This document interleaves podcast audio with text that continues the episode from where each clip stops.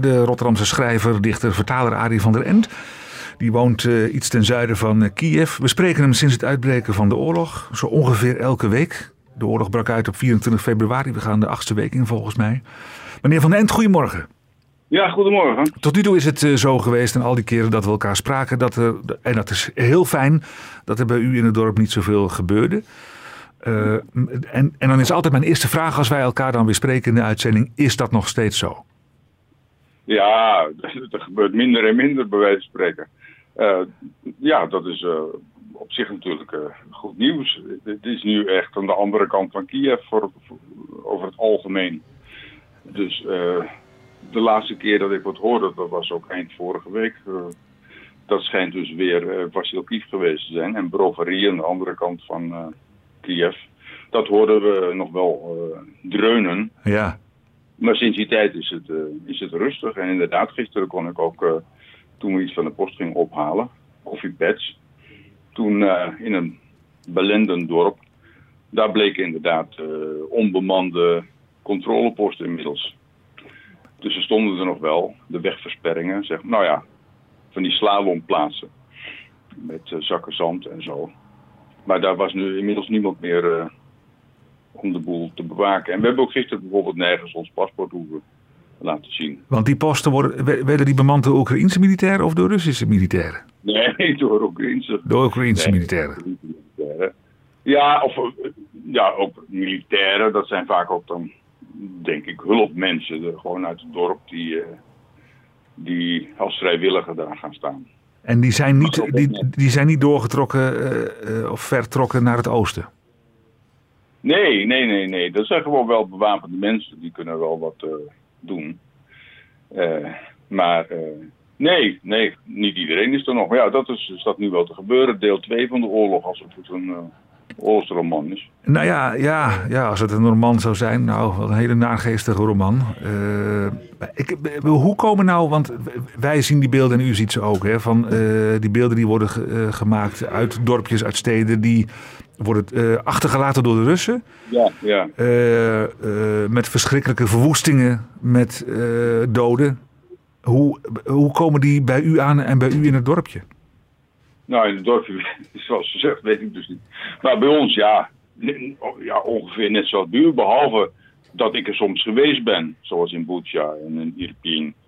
Dus dat, dat, ja, dat maakt het contrast nog wat schiller. Maar, uh, zeg maar, de beestachtige afslachtingen, die zijn, komen bij u waarschijnlijk net zo hard binnen als bij mij. Uh, en het cynische is dat, dat ik heb het nog net even gecheckt. Op 4 april stelde de Oekraïnse nou ja, leger vast dat de 64e gemotoriseerde brigade verantwoordelijk was voor zeg maar, de slachtingen in uh. En twee weken later, gisteren dus, uh, werden juist die zeg maar, geridderd door Poetin. Dus uh, ja, dat is ook weer van verre gaan. Wegens hun professionalisme en nobele ja, het is maar vanuit welk standpunt je dat inderdaad dan bekijkt. Maar u praat daar vrij rationeel, vrij rustig over, maar maken dit soort beelden u niet woedend? Ja, natuurlijk. Ja, ja het, het, zit in, zoverre dieper, omdat... Ik heb gisteren bijvoorbeeld, dat kan ik ook iedereen aanraden, in navolging van Kurkov, die al in Buitenhof zei, van lees uh, non-fiction over de Oekraïnse geschiedenis. En ik had het al langer in mijn uh, e-book collectie staan, maar eindelijk Red Famine, oftewel de rode hongersnood van uh, Anne Applebaum gelezen. Ja, dat, dat, dat, kan ik aanbevelen als een goed, zeg maar, een, ja, een proloog op de hele Oekraïnse geschiedenis van de 20e eeuw. Uh, dus het is niet de eerste keer dat, zeg maar, de Russen, om het zo maar te zeggen, uh, de Oekraïners de nek om willen draaien. En vooral hun staat. Wat is het belangrijkste wat wij dan moeten weten, meneer Van der Ent, over die Oekraïnse geschiedenis? Nou, dat feit dat vanaf dat er een, een rode lijn is vanaf het, uh, vanaf het tsaristische Rusland van, van, tot, tot, tot nu om, om uh, Oekraïne eronder te houden of te krijgen. Als dus zelfstandig bestaan te, te, te ontkennen. En die hongersnood, dat was dus een afgedwongen hongersnood in 32, 33 dat, dat heeft de, de, de, de, intellectuele leiding, de, de, de, de, ook de, zeg maar de communistische partij daar en, en schrijvers en dichters ja, gedecimeerd. Dus dat was een geweldige slag überhaupt voor, voor, voor het voortbestaan als, als, als natie van Oekraïne. Uh, dat, nou, en dat, dat met als gevolg dat er veel Russen werden geïmporteerd en dat is nou ja, totaal het Oekraïens op achterstand werd gezet enzovoorts. En pas nu, vanaf 1991, en vooral vanaf 2014, door toedoen van Poetin, zou je kunnen zeggen, uh, ja, maakt dat weer een bloei door. Maar goed, uh, het kan nog wel misgaan als het de, de slag in de Donbass wordt verloren. Dan kunnen ze zomaar weer terugkomen naar Kiev, zal ik maar zeggen. Dat houdt u voor mogelijk, want uh, ja. dit, dit, is alles beslissend. Uh, dit is, nou, dat wordt zo gezien, ja. ja. Daarom uh, zou ik er wel voor willen pleiten om wat vliegtuigen en de beste tanks te sturen. Niet oude Sovjet-tanks uit, uit Tsjechoslowakije, zou ik maar zeggen. Ja. ja, die vliegtuigen, dat gaat hem niet worden, geloof ik.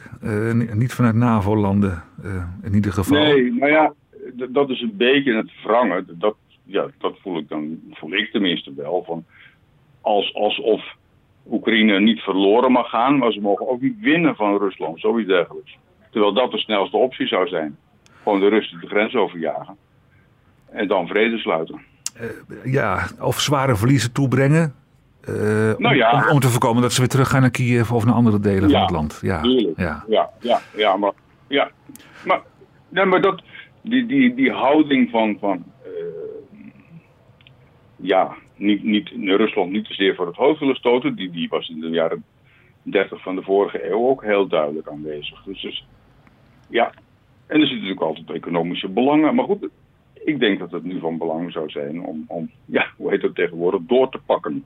Dat hoor je ook wel mensen zeggen hoor, maar ja, dat is in de internationale politiek is het nog niet helemaal. Nou ja, uh, eerst maar eens even stoppen met de import van uh, Russisch gas en olie. Maar voordat ja, het zover is, moet er nog heel wat water door de Maas stromen, uh, denk ik. Want dat heeft heel, veel, heel veel gevolgen. Ook voor onze samenleving. Dat is nog een beetje koudwatervrees volgens mij van, van de beleidsmakers. Moet, moet je ook goed over nadenken. Maar cynisch is het wel dat daarmee de oorlog wordt gefinancierd. Met de opbrengsten daarvan. Van die verkoop van olie en gas omdat wij democratieën zijn, heb je wel, hoe heet dat, een soort van draag, blijvend draagvlak nodig.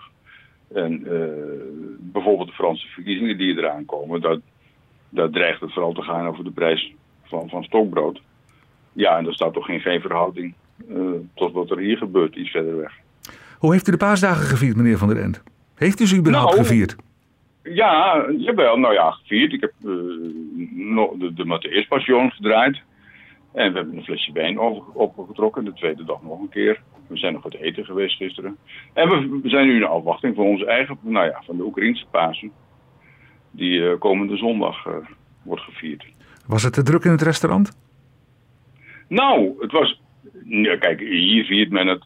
Kerst wordt gevierd op twee dagen tegenwoordig. Zeg maar onze dag en, en uh, volgens de oude Juliaanse kalender. En, uh, maar er waren, er waren ongeveer, dat zeiden we nog tegen elkaar, er waren ongeveer evenveel mensen op, als op een maandag, uh, nou ja, uh, voor, de, voor de oorlog. Hmm. Dus het, maar er zijn even de weinige restaurants die open zijn. We wilden eerst naar een ander restaurant. En, maar dat heeft meer een jongere imago met karaoke en zo. En dat is gewoon dicht. Dus niet alles is open. En zijn er nog typische paastradities in de Oekraïne? Ja, nou ja. Nou ja, het is in ieder geval ook weer een. En men viert het eigenlijk een week. En men spreekt elkaar dan aan met uh, Christus is, nou, de Heer is opgestaan. En dan zegt de ander, ja, hij is waarlijk opgestaan. En dat, is, dat wordt dus intens uh, beleefd. Dat is uh, zoals wij nieuwjaar roepen tien dagen lang, bewijzen. Ja. Tenminste, dat mag. Doet men dat hier de hele week door. Christus was Christus, voistini vos Christus. En, en, en en je ziet de winkel staat nu vol met uh, zogenaamde uh, pascha. Dat zijn uh, ja, een soort Italiaansachtige cakes in zo'n papieren onderkant, zeg maar. Met een spaarzame, een soort brioche-achtige affaire. Met glazuur bovenop en allerlei hagelslagachtige dingetjes. En met, met hier en daar een verdwaalde rozijn. Dat is, de mensen maken ze zelf of je koopt ze in de winkel. Het is een, misschien een beetje afleiding van de, van de, de niet al te vrolijke werkelijkheid, kan ik mij zo voorstellen. Want je kan natuurlijk ook zeggen van ja, uh, ik, ik, twijfel aan mijn geloof. Uh, gegeven deze oorlog, als God bestaat, dan staat hij dit niet toe. Ja, ja, ja, daar kan ik moeilijk over. Nee, dat, dat kunnen we uitzendingen vol over maken. dus, dat gaan we niet doen. Maar is het inderdaad, ja, denkt u dat het inderdaad zo is van nou, dit is even leuk om, uh, om, om te doen. Een week lang uh, helemaal losgaan met Pasen daar in Oekraïne. Even, even weg van de waan van de dag. Ja, losgaan, losgaan. Een van, het is een van de momenten. Kijk, de, de herdenking van de dood is hier een veel belangrijker affaire dan bij ons. Dat doen we eigenlijk niet. We gaan zelden naar een kerkhof, zeker vroeger herinner ik mij uit mijn jeugd. En ja, dood is een dood en klaar. Wij mochten er ook niet voor bidden, bijvoorbeeld als protestanten. Katholieken wel.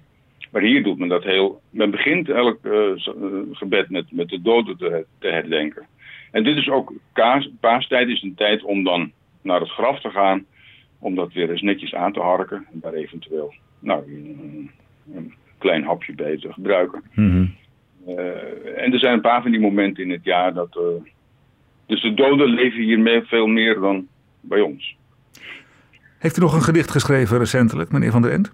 Oh, dan moet ik eventjes... Ja, uh, even kijken, want ik heb, ik er niet zo op gerekend. Ja, dat gaat altijd maar door. Uh, sorry dat ik u overval hiermee. Maar ik vind, nou, het, nee, ik, vind, ik, ik, ik, vind het wel mooi om daarmee te eindigen dan. Ja, vind ik ook.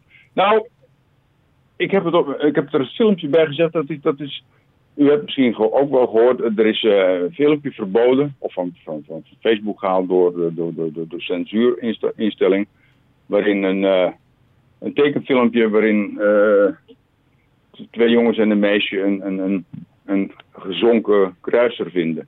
De zogenaamde de Z29. Nee, dat is een, een zogenaamde fascistenboot. Mm. Nou, dat is een wrang, een wrang, ja, ja, een wrange echo van wat er gebeurd is met, met, met, met, met de Moskwa. En het gaat zo, Armageddon uh, 57. De schatten van gezonken schepen. Zo heet de korte tekenfilm. De sensors hebben ingegrepen. Na 50 jaar een peulenschil. We zien een Yellow Submarine. De ronde Neptune 25. Op pootjes, nooit zoiets gezien. Drie kinderen erin die vinden een kruiser tussen alle vissen. Een oorlogsbodem in de schoot van de natuur. Het kan niet missen. Een schat van een fascistenboot. Ze zien een Z, een 2, een 9, voor eeuwig in de zee gelegen. Nou, en dan kun je dat hele filmpje bekijken als u dat wil. Dank u wel, meneer Van der End. Tot de volgende keer. Ja, dank u wel.